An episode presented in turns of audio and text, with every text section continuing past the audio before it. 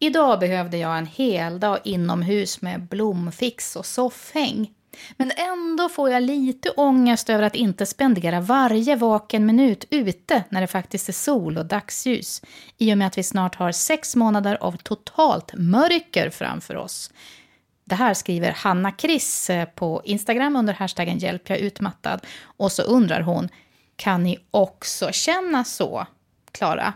Ja, jag kände det senast den helgen som gick och det var jättefint en dag. Och jag bara låg i sängen och kollade på film och hade svärmor på besök som tog hand om barnen och kände, borde jag inte gå ut nu? Borde jag inte? Det är ju en jättevacker höstdag så jag ska försöka gå en promenad. Men, nej, jag orkar inte, jag vill bara ligga i sängen. Och jag övar mig på att tycka att den känslan är okej. Okay. det, det är fine.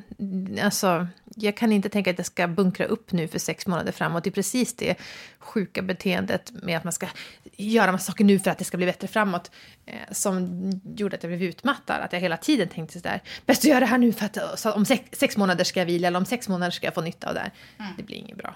Jag hade en eh, intervjuperson en gång som berättade, vi pratade precis om den här eh, alltså känslan i alla fall. Mm. Det här är många år sedan, så det handlar inte om utmattning den gången, men då pratade vi om våren, där mellan hägg och syren. Mm. Och då när det så blommar och så vill man bara vara ute, men man ju, ska jobba, man sitter vid datorn, det blänker i skärmen, man kan mm. inte sitta ute, fan också.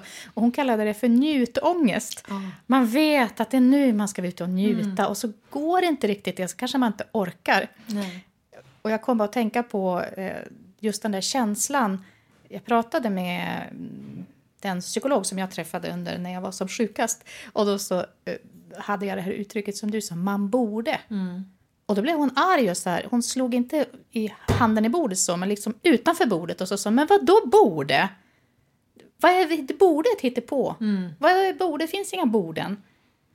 Gud vad skönt att höra. Ja, vad skönt. För det hon menar är liksom, ja men okej, du kan ju om vi tar det här exemplet nu som Hanna Kriss skriver om. Ja, men visst, det är jättefint ute. Och då vill man vara där. Men hur är det inne? Mm.